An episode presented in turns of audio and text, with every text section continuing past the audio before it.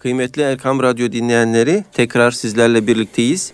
Yüce Rabbimizin selamı, rahmeti ve bereketi hepimizin üzerine olsun inşallah. Muhterem efendim, bu programımızı sizlerden bize gelen soruları cevaplandırmak suretiyle icra ediyoruz.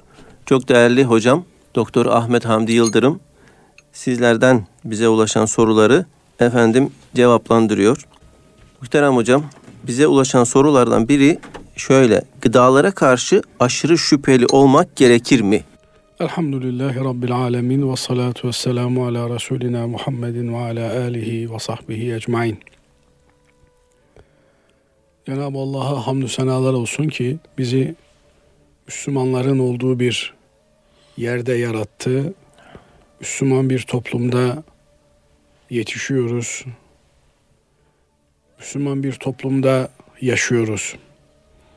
Binaenaleyh Müslümanların egemen olduğu, hakim olduğu, galip olduğu bir toplumda elbette Müslümanlar rahatça birbirlerinin yemeklerini yiyebilir, birbirlerinin hazırladığı şeyleri tüketebilirler. Bu yönüyle aşırı hassasiyet göstermek bazen kardeşlik hukukuna zarar verecek mahiyette olabiliyor. Evet. Söz gelimi bir Müslümanın evine gidiyorsunuz.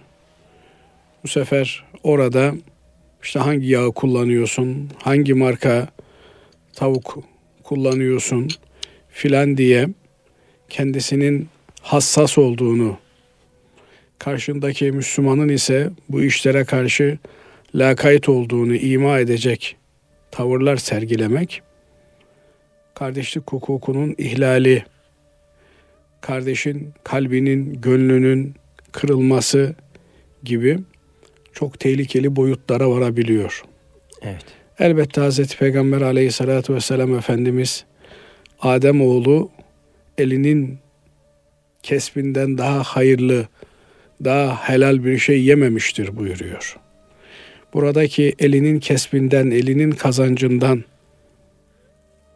elinin amelinden daha hayırlı bir şey yememiştir ifadesi, el emeği, göz nuru ile çalışıp para kazanan kimselerin bu kazançları diğerlerine oranla daha makbul, daha iyi bir kazançtır anlamına geliyor. Nitekim Hz. Peygamber aleyhissalatü vesselam Efendimiz de Davud aleyhisselamın elinin kazancıyla, elinin ameliyle çalışarak, el emeği üreterek geçimini sağladığını ifade ediyor. Ama bu hadisi şerifin delalet ettiği, işaret ettiği, akla getirdiği manalardan bir tanesi de insanın kendi yemesini, kendi yiyeceğini kendi elleriyle hazırlaması, bizzat kendi üretimi olan şeyleri tüketmesi. Bu yönüyle tabi eskiden hazır tüketim malları olmadığı için, ambalajlı ürünler olmadığı için yazdan kışa stoklar yapılır. Turşular hazırlanır. Kışın tüketilmek üzere bir takım yiyecek maddeleri depolanırdı. Evet. Fakat maalesef günümüzde her şey hazır ambalajında sunulduğu için zahmetsiz kolayca elde edilebilir olduğu için bunlarla beraber bir takım sorular da ister istemez gündeme gelebiliyor. Acaba işte bu kesilen hayvanlar şer'i usullere göre mi kesilmiştir? Evet. Besmele çekilmiş midir? Efendim bu tükettiğimiz etler beyaz et olsun, kırmızı et olsun, İslami usullere göre hazırlanmış mıdır? Türünden bir takım endişeler, efendim bir takım ambalajlı mamullerin koruyucular olarak bilinen kimyasal maddelerle şer'i açıdan, dini açıdan mahzurlu hale gelip gelmediği tartışma konusu olmakta. Efendim bir takım şekerlemelerin, bir takım çikolataların vesairelerin bulundukları jelatinlerin helal kesim hayvanlardan mı elde edildiği yoksa Avrupa'dan ithal olup harcı alem herhangi bir hassasiyet söz konusu olmaksızın mı tüketildiği meselesi yoğun bir şekilde giderek Müslümanların gündemini teşkil etmektedir. Elbette Müslüman yediğine, içtiğine dikkat etmek mecburiyetindedir. Çünkü yediklerimiz ve içtiklerimiz de karakterimiz oluşmaktadır. Yediklerimiz, içtiklerimiz, ağzımızdan aldığımız gıdalar kalbi kıvamımıza etki etmektedir. Binaenaleyh hatta Efendimiz Aleyhisselatü Vesselam bir hadisi şeriflerinde üstü başı toza dumana bulanmış garip bir kimse dua ediyor ama duası kabul olunmuyor. Halbuki duasının kabul olması lazım.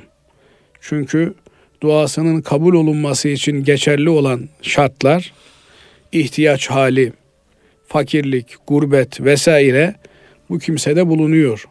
Evet. Böyle olmasına rağmen duası kabul olunmuyor ise burada bir sebep olmalı. Efendimiz Aleyhisselatü Vesselam da buyuruyor ki فَاَنَّا يُسْتَجَابُ لَهُ Nasıl duası kabul olunsun diyor. Yediği haram, içtiği haram, haramdan beslenmiş diyor. Ve huziye min haram. Haramdan gıdalanmış, haramdan beslenmiş. Böyle bir kimsenin duası nasıl kabul olunsun? Yani elbette garip kulların, fakir kulların Allah katında çok özel, hususi yerleri, dereceleri vardır. Fakat eğer harama helale dikkat etmiyorsa bir insan, yediğinin içtiğinin helalinden olmasına dikkat etmiyor ise burada onun bu ulvi vasıflarının yüksek derecelerinin kaybolduğunu görüyoruz. Haramdan beslemek, çalmak, çırpmak, gasp etmek, haksız kazanç elde etmek suretiyle olabileceği gibi Allah Teala'nın helal kılmadığı efendim domuz ve türevleri, şarap ve türevleri ve benzeri Kur'an-ı Kerim'in haram olduğuna, hadis-i şeriflerin yasak olduğuna dair açıklamalar getirdiği unsurları tüketmek şeklinde de olmaktadır. Yani sadece çalınan malı yemek haram değildir. İçerisinde Allah'ın haram kıldığı domuzun ve türevlerinin bulunduğu bir malı, bir gıda maddesini tüketmek de haramdır. Binaenaleyh besmele ile kesilmemiş olan bir eti tüketmek de haramdır. Şer'i usullere göre boğazlanmamış, kesilmemiş olan bir beyaz eti tüketmek de haramdır. Binaenaleyh kişinin yediğine, içtiğine dikkat etmesi lazım gelir. Fakat bu dikkat etme mevzuu işi vesveseye kadar götürüp insanın akli melekelerini dumura uğratmamalı. Biliyorsunuz vesvese çok ciddi psikolojik bir rahatsızlıktır. Endişe duygularının insanda depreşmesi anlamına gelir ki artık istikrarın, hayatın devamının tahammül edilmez bir boyut alması söz konusu olur. İnsan her yediği, her içtiği şeyle ilgili hatta suyla ilgili bile şüpheye düşebilir. Binaenaleyh yediğimiz, içtiğimiz, tükettiğimiz nesnelerin helal dairesinde olması ve bu yönüyle elimizden gelen bildiğimiz, tanıdığımız Müslümanların hassasiyet göstererek ürettiği mamulleri tüketmeyi tercih etmek durumundayız. Fakat bizim gibi Müslüman olan bir eve gittiğimizde o ev sahibini soruşturmaya çeker gibi kullandığınız yağın markası ne? Evet. Efendim hangi marka et tüketiyorsunuz? Nereden alışveriş yapıyorsunuz diye sorgu sualin içerisine girmek doğru bir şey değil. Eşyada asıl olan ibaha olduğuna göre asıl olan helal dairesi içerisinde bütün bunların olmasıdır. Haramlar az ve sayılıdır. Parmakla sayabileceğimiz kadar azdır. Evet. Binaenaleyh sınırsız helal nimetler içerisinde bulunmaktayız. Ama eğer güçlü bir karine varsa o zaman bu karine bizde bir çekince meydana getirmişse herhangi bir şekilde soruşturmadan sorgu hesap faslına girmeden mazeret beyan ederek makul bir gerekçe ileri sürerek yemek istemediğimiz şeyi yemeye biliriz. Ama buradan hareketle kardeşlik hukukunu zedelemek doğru değildir.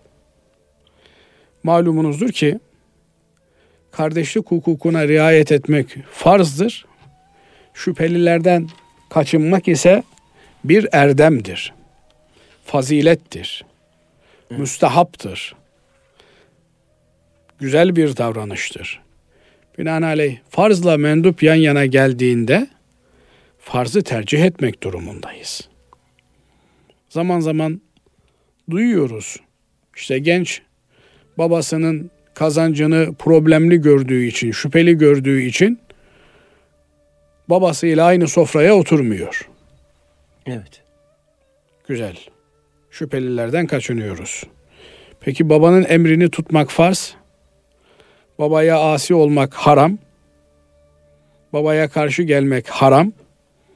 Sen bir erdem yapacağım derken bilerek veya bilmeyerek bir haram işliyorsun. Bu kabul edilebilecek, uygun görülebilecek bir şey midir? Malumu haliniz nafile oruçlar tuttuğumuzda evet.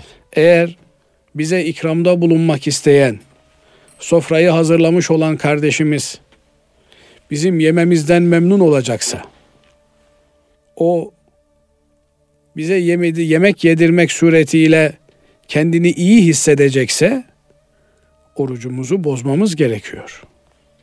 Yani nafile orucumuzu açmak suretiyle Müslüman kardeşimizin gönlünü yapmaya, hatırını görmeye gayret etmemiz gerekiyor.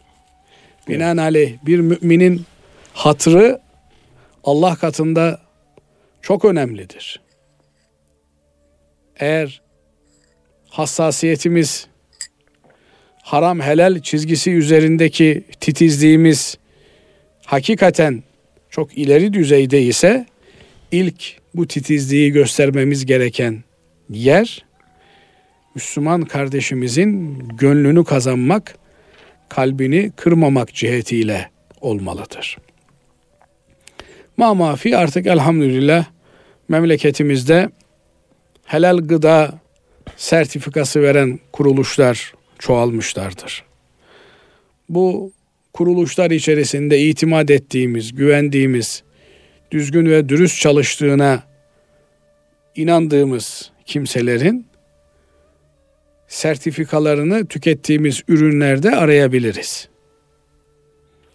Özellikle de artık tüketim malları alternatifli hale geldiği için eğer birinde sakıncalı bir madde varsa bir başkasını tüketebiliriz.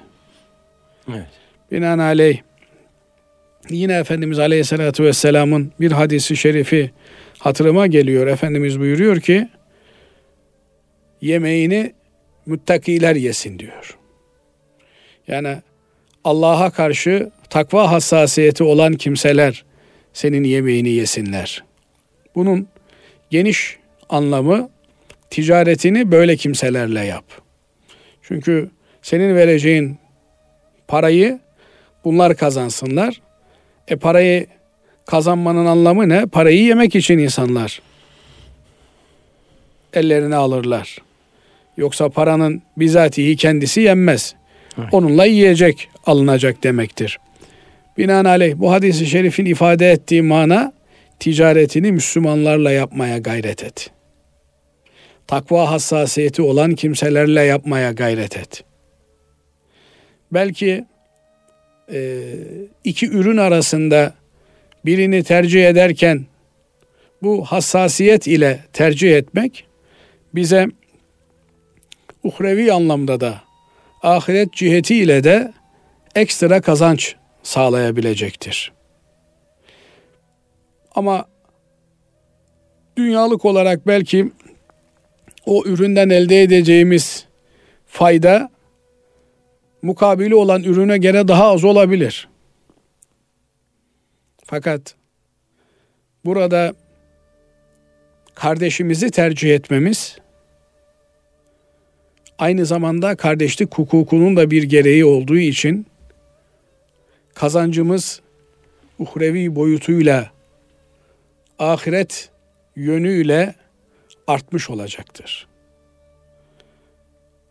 Binaenaleyh işi vesveseye ulaştırmadan yediğimiz, içtiğimiz maddelerle ilgili helal standartlarına dikkat etmemiz gerekiyor.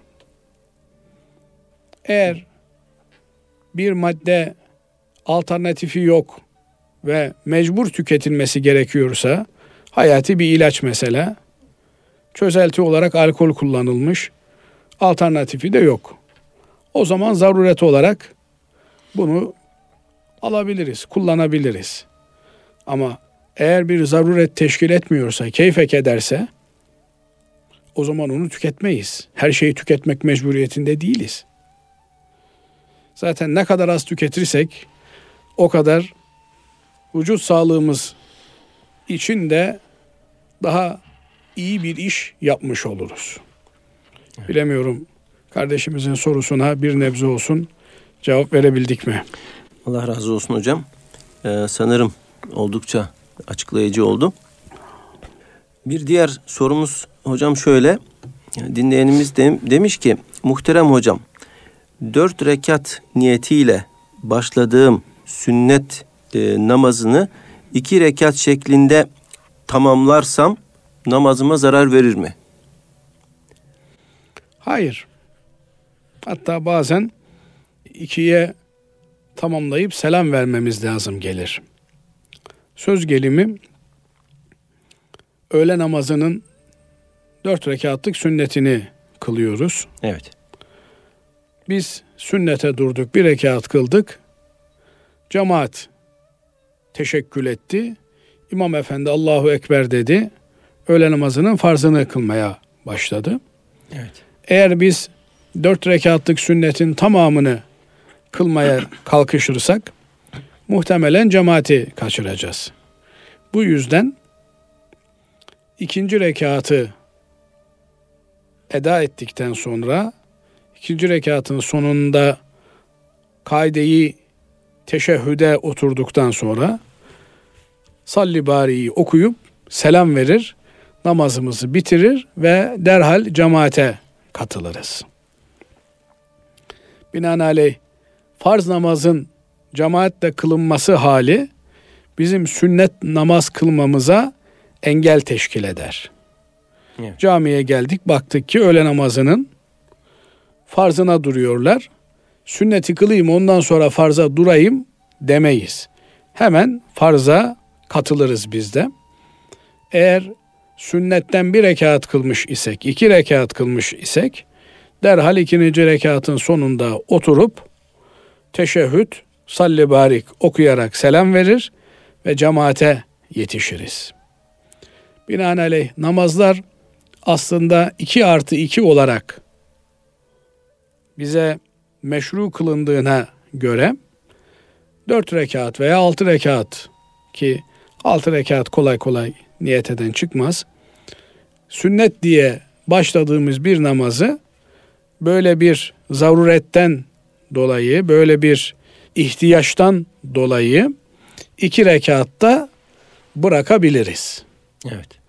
Ama takdir edersiniz ki lüzumsuz yere namazı sünnet olan dört rekatlık namazı iki rekatta kesmek doğru bir şey olmaz. Fakat eğer arada önemli bir mesele söz konusu ise söz gelimi işte az önce de baba hakkından bahsettik. Anne baba hakkı önemli. Annen sesleniyor sana. Sen namaz kılıyorsun. Dört rekatlı bir sünnet kılacaksın. Evet. Annen sesleniyor. Bir, iki, üç. İkinci rekatın sonunda selam verirsin. Buyur anneciğim. Namazdaydım. Kusura bakmayın. Sizlere buyurun diyemedim diyerek gönlünü alırsın. Gönlünü almaya gayret edersin. Evet. Burada Cüreyç hadisi diye bilinen bir hadisi şerif var. Biraz uzunca bir hadisi şerif. Efendimiz Aleyhisselatü Vesselam üç tane bebeğin, kundaktaki bebeğin konuştuğu hadiseleri anlatıyor. Bunlardan bir tanesi de Cüreyç adında Beni İsrail'in abid, zahit evliyasından bir kimsem. Sabahtan akşama kadar namaz kılıyor. Cüreyc'in bir çilehanesi var. Orada sabahtan akşama kadar ibadetle meşgul. Anneciği gelmiş. Cüreyç, Cüreyç oğlum seni çok göresim geldi diye seslenmiş. Cüreyç namaz kılıyor. Ya Rabbi demiş namazım ve annem namaza devam etmiş. Bir, iki, üç böyle devam edince kadıncağız da ister istemez Cüreyç'le ilgili beddua anlamına gelecek laflar etmiş. Bedduası tutmuş. Evet. Efendimiz Aleyhisselatü Vesselam buyuruyor ki Cüreyç fakih olsaydı diyor. Bir rivayetinde bu olayı anlattığım annesine buyur anneciğim der namazı keserdi diyor. Evet. Niye? Çünkü anneye buyur anneciğim demek farz. Nafile ibadet adı üstünde nafile ibadet. Evet. Binaenaleyh böyle durumlarda namazı tabi ortadan kesmek doğru değil. Ama en kısa mesafede e, kesmek mümkün. Eğer nafile ibadet ise. Evet. Evet yani binaenaleyh dört rekatlık niyetle başlanmış olan bir nafile ibadet eğer bir mucip varsa yani e, zorunlu bir durum söz konusu ise o zaman e, ikinci rekatta selam verilerek namazdan çıkılabilir. Eğer çok hayati bir durum varsa farz nafile hemen namaz terk edilebilir. Evet. Yani söz gelimi siz namaza durdunuz. Çocukcağız işte yanan sobaya doğru gidiyor elini sobaya vuracak. Hemen namazı bozar çocuğu o tehlikeli durumdan kurtarırsınız. Aksi halde e, Allah muhafaza etsin çocuğun yanması, canının acıması asla doğru bir şey olmaz. Ee, Değerli hocam, e, bir dinleyenimiz şöyle sormuş. Bülü çağına girmemiş oğlumla cemaat olabilir miyiz? Evet, e, namazı idrak edebilecek, yani namazın mahiyetini kavrayabilecek 7 yaşında, 8 yaşında, 9 yaşında, 10 yaşında bir çocuk ile cemaat yapılabilir. Evlerimizde eğer e, olduğu ya 40 yılın başında bir camide namazı eda edememiş isek evimizde hanımla beraber, çocuklarla beraber cemaat yapıp namazımızı kılmak durumundayız. Çünkü namazın kamil anlamda, mükemmel anlamda edası cemaat ile mümkündür. Namaz bireysel bir fiil, eylem değildir. namaz toplumsal bir eylemdir. Bunun e, olmazsa olmazları cuma namazıdır, bayram namazlarıdır. Bireysel olarak cuma namazı kılamazsınız. Evet. Cemaat halinde kılmanız lazım. Bayram namazları da böyledir. Ferdi olarak bayram namazını kılamazsınız. Cemaat halinde kılmanız lazım. Diğer namazlar da aslında ferdi değil, cemaat ile eda edilebilecek namazlardır. Namazın cemaat ile eda edilebilmesi için azami dikkatin gösterilmesi gerekir. Cemaatten de maksat camide yaptığımız cemaattir. Nitekim Efendimiz Aleyhisselatü Vesselam'a camiye gitmeme ruhsatı isteyen ama bir sahabisine Hazreti Peygamber Aleyhisselatü Vesselam Efendimiz tamam sen camiye gitmeyebilirsin amasın gözün görmüyor binaenaleyh yolda düşüp üstünü başını yaralaman kendine zarar vermen söz konusu. Camiye gitmeden evinde namazını kılabilirsin demiş. Peşinden de ezanı işitiyor musun diye sormuş. Evet deyince o zaman camiye gideceksin demiş. Binaenaleyh eğer ezan evlerimize geliyor isem o ezanların okunduğu camilere gitmemiz ve namazı camide eda etmemiz gerekir. Nitekim Efendimiz Aleyhisselatü Vesselam cami komşularının namazı ancak camilerde geçerlidir. Onun dışında geçerli değildir anlamına maline gelebilecek bir hadisi şerifi ile muhakkak surette caminin komşusu olan yani ezanı caminin ezanını işiten kimselerin namazı camide cemaatle kılmaları gerektiğini bizlere bildiriyor. Ve bir başka hadisi şeriflerinde de Efendimiz Aleyhisselatü Vesselam şimdi içimden geçiriyorum. Sabah namazı vaktinde cemaate bir başkası imam olsun. Ben gideyim evlerinde kalıp da cemaate, camiye gelmeyenlerin başına evlerini yakayım, yıkayım diye içimden geçirdim diyor. Tabi bu cemaatin ne kadar önemli olduğunu göstermesi açısından bizlere çok üzerinde durulması gereken bir hadisi şerif. Binaenaleyh benzeri bir uygulamayı Hazreti Ömer Efendimiz de e, teşebbüs aşamasında bırakıyor. Böyle niyet ettim diyor. Elbette kimsenin başına evi barkı yakılıp yıkılmaz. Evet. Ama eğer camiye cemaate gitmiyorsa o evin ahalisi onlar zaten yanmış yıkılmış demektir anlamına geliyor. Binaenaleyh kadınlar akıllı olup kocalarını kaldırıp hadi camiye cemaate, hadi namaza camiye diyerek camiye göndermeliler eşlerini. Kadınların ise namazlarını en hayırla eda edilecekleri yer evlerinin en iç mekanlarıdır. Efendim camlardan uzak en iç mekanları kadınların namazlarını eda edebilecekleri en hayırlı mekanlar olarak tasnif edilmiş. Mamafi eğer kadın dışarıya çıkıyorsa, çarşıya, pazara çıkıyorsa namazını da camide cemaatle eda edebilme imkanına sahipse camiye, cemaate iştirak eder. Fakat eğer işte üzerlerinize afiyet, bugün biraz rahatsızım. Geçmiş olsun. Ee, Allah kişi Allah razı olsun cemi cümlemize, bütün hastalarımıza Cenab-ı Allah hayırlı şifalar ihsan eylesin. Amin. Eğer kişi soğukta, kışta, kıyamette camiye çıkacağı zaman hastalığının artmasından, iyileşme döneminin gecikmesinden endişe ediyorsa evinde namazını kılar. Evinde kıldığı zaman da çoluğuyla, çocuğuyla cemaat yaparak namazını kılmaya dikkat eder. Çünkü tek başına kılınan namaz ile cemaatle kılınan namaz arasında 25 bir rivayete göre de 27 derece fark olduğunu Efendimiz beyan ediyor. Yani 27 defa bir namazı kılsanız cemaatle kılmış olduğunuz namazın sevabına ancak yetişmiş olur. İmam Mafi bu cemaatle kılınan namaz ferdi olarak kılınan namazın çok ötesinde bir fayda temin eder. Çünkü din toplumsal bir ihtiyacın cevabıdır. İnsanlar birey olarak inanırlar.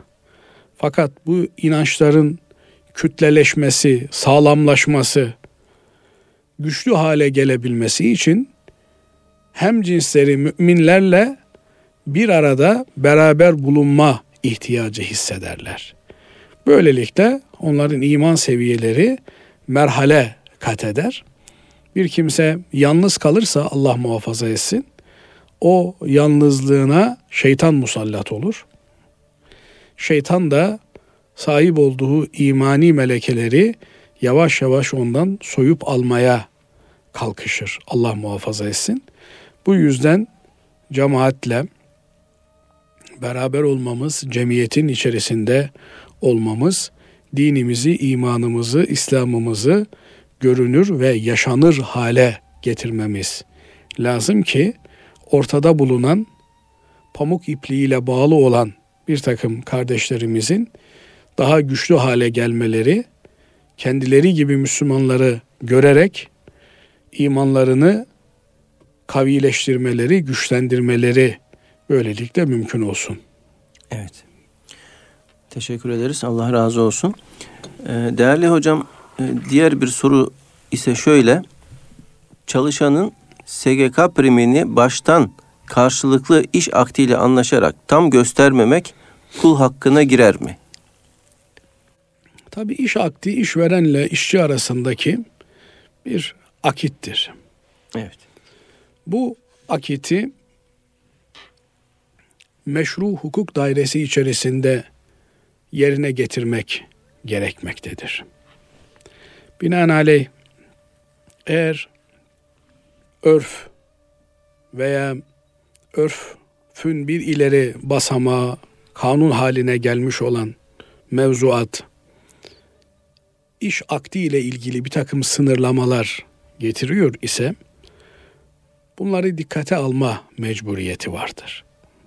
Binaenaleyh eğer asgari ücret olarak bir ücret belirlenmiş ise bu ücretin altına düşülmemesi gerekir. Fakat insanlar bedelsiz de birbirlerine yardım edebilirler. Binaenaleyh bir adam ihtiyacı olan birine bila bedel hizmet edebilir. Söz gelimi bugün bir evlat babası yatalak yatıyor. Ona hizmet edebilmek için işini gücünü bırakıp onun hizmetiyle meşgul oluyor. Bu hizmet bila bedel yapılan bir hizmettir. Karşılığı Allah katında alınmak üzere yapılan bir hizmettir. Bunu ücretlendirmeye kalkıştığınız zaman ücretin ne üzerinden tahakkuk edeceği meselesi hakikaten iki açmazı beraberinde getiriyor. Bazı yerlerde insanlar 500 liraya muhtaçlar. 500 lira veren olsa bir ay hizmet edecekler. İşte 500 lira maaş alan bir kimsenin günlük aldığı ücret neye tekabül ediyor? İşte söz gelimi 20 liraya tekabül ediyor. Evet. 20 lira bir gündelikle çalışması bir insanın mevzuat açısından uygun mu? Uygun değil. Çünkü asgari ücret eğer bugün itibariyle 1400 küsür lira ise bunun anlamı ne? Günlük bir adam 50 liraya çalıştırılabilir. Peki 50 liraya çalıştıracak adam yok. E bu adamın günlük yaşayabilmesi için 20 liraya ihtiyacı var. Bunu 20 liraya çalıştırabilecek de birileri var. Bu durumda hayır kardeşim sen 20 liraya çalışamazsın. Bu adam çalışıyorsa sen buna 20 lira değil 50 lira vermek durumundasın. Diye bir dayatmanın içerisine girebilmek için bunu yapabilmek için o zaman toplum olarak bizim ihtiyacı olana bin lirayı verebilmemiz gerekir. Yani bu çok basit bir denklem. Siz eğer çalışmadan da bin lirayı alabiliyor iseniz o zaman çalışmak durumunda olduğunuzda hayır ben 1400 küsür liradan aşağısını kabul etmem deme şansına sahip olabilirsiniz. Ama çalışmadığınız zaman fakirlikle burun buruna kalıyor, ölüm tehlikesiyle karşı karşıya geliyor iseniz o zaman orada üçü beşi aramazsınız.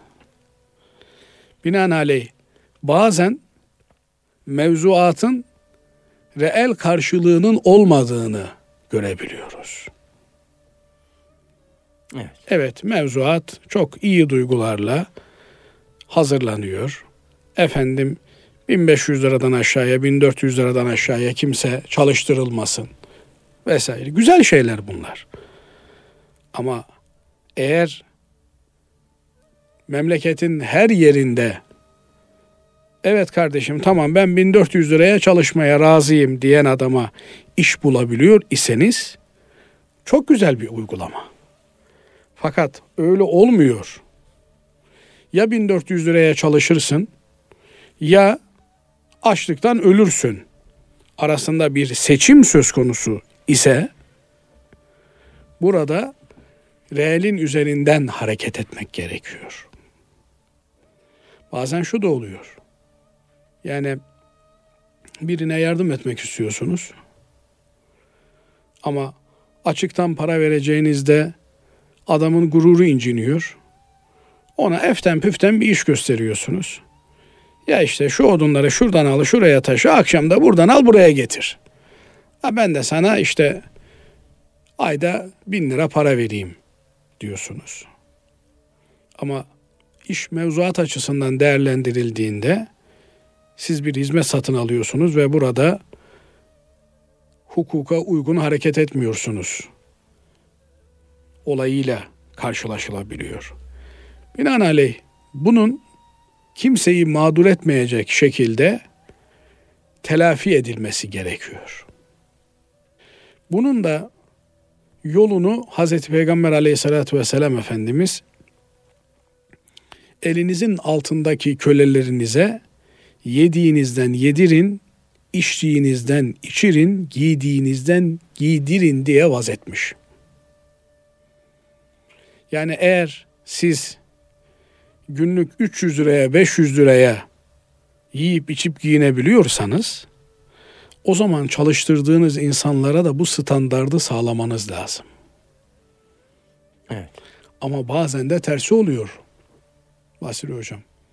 İşveren olarak 30 lira standartla zamancak geçinebiliyor. Adı işveren ama kendi çapında bir işveren. Bu işverene de ağır bir yük yüklememek lazım. Binaenaleyh burada asıl olan haksızlığa kaçmamak, haksız kazanca yeltenmemek, zulmetmemek, imkanlarını paylaşmak. Ayet-i kerime ne diyor? Şimdi tam lafzını hatırlayamadım.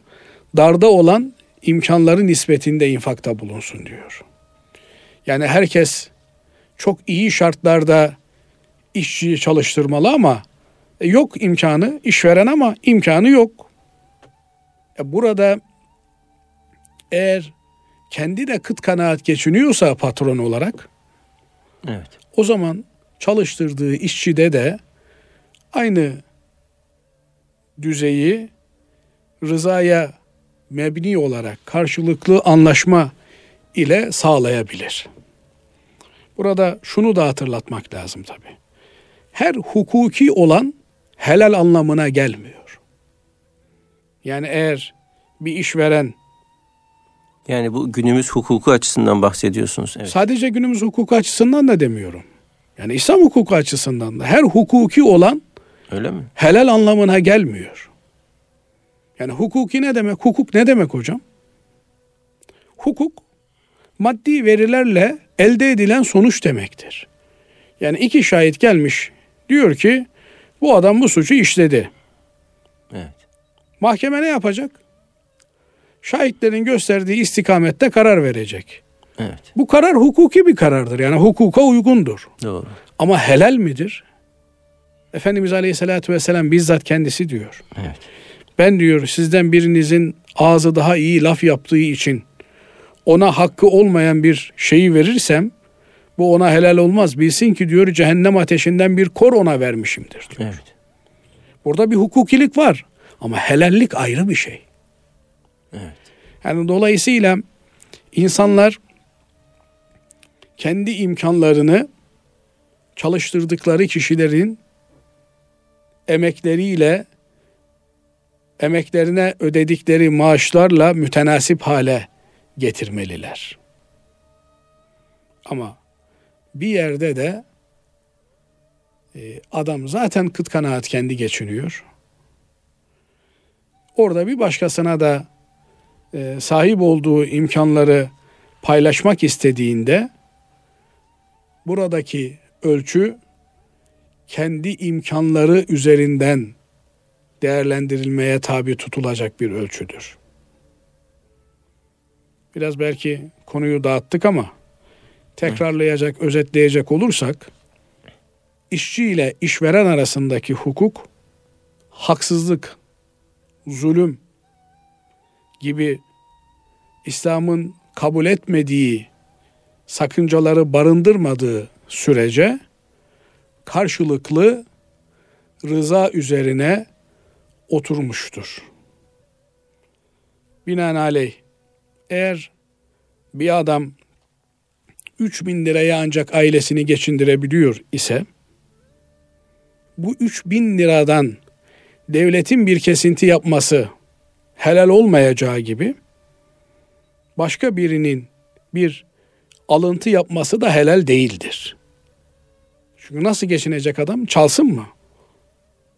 Bu noktada e, kat edilmesi gereken çok mesafe var.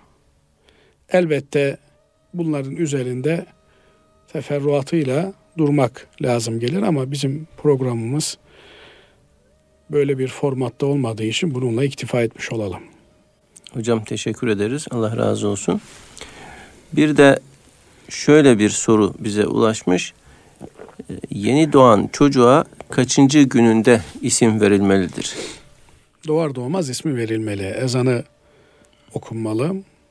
Sağ kulağına, sol kulağına ve peşinden de ismi verilmeli. Dolayısıyla e, çocuğun dünyaya geldiğinde ilk duyacağı sözler, kelimeler Allahu Ekber, Allahu Ekber olmalı. Peşinden de hemen ismi konulmalı. Evet. Binaenaleyh gün vesaire filan beklenmemeli. Öyle bazen böyle abuk subuk şeyler de oluyor. İşte kimsenin koymadığı bir isim olsun. Böyle orijinal bir şey olsun vesaire filan diye. Hayır. Efendimiz Aleyhisselatü Vesselam'ın isimlerinden. Abd ifadesi geçen Abdullah, Abdurrahman Evet. türü isimlerle başlamak üzere güzel bir isim koyulmalı çocuğa. Bunu da çok fazla böyle az önce de ifade etmeye çalıştığım gibi kimsenin koymadığı, bilmediği orijinal bir şey olsun diye uğraşmamak lazım. Aksine çok bilinen, uluslararası çapta Müslüman ismi olarak tanınan ve bilinen isimler koymak lazım. Ahmet, Mehmet, Fatma, Ayşe, Hadice Evet. gibi. Cenab-ı Allah bütün çocuklarımızı hayırlı eylesin. Bizleri de kendisine, kul Habibine layıkıyla ümmet eylesin. Evet. Allah razı olsun hocam. cümlemizden. Çok teşekkür ediyoruz. Efendim e, bir İlmihal Saati programının daha sonuna ermiş bulunuyoruz. Bir dahaki hafta tekrar sizlerle birlikte olmak ümit ve duasıyla Allah'a emanet olun.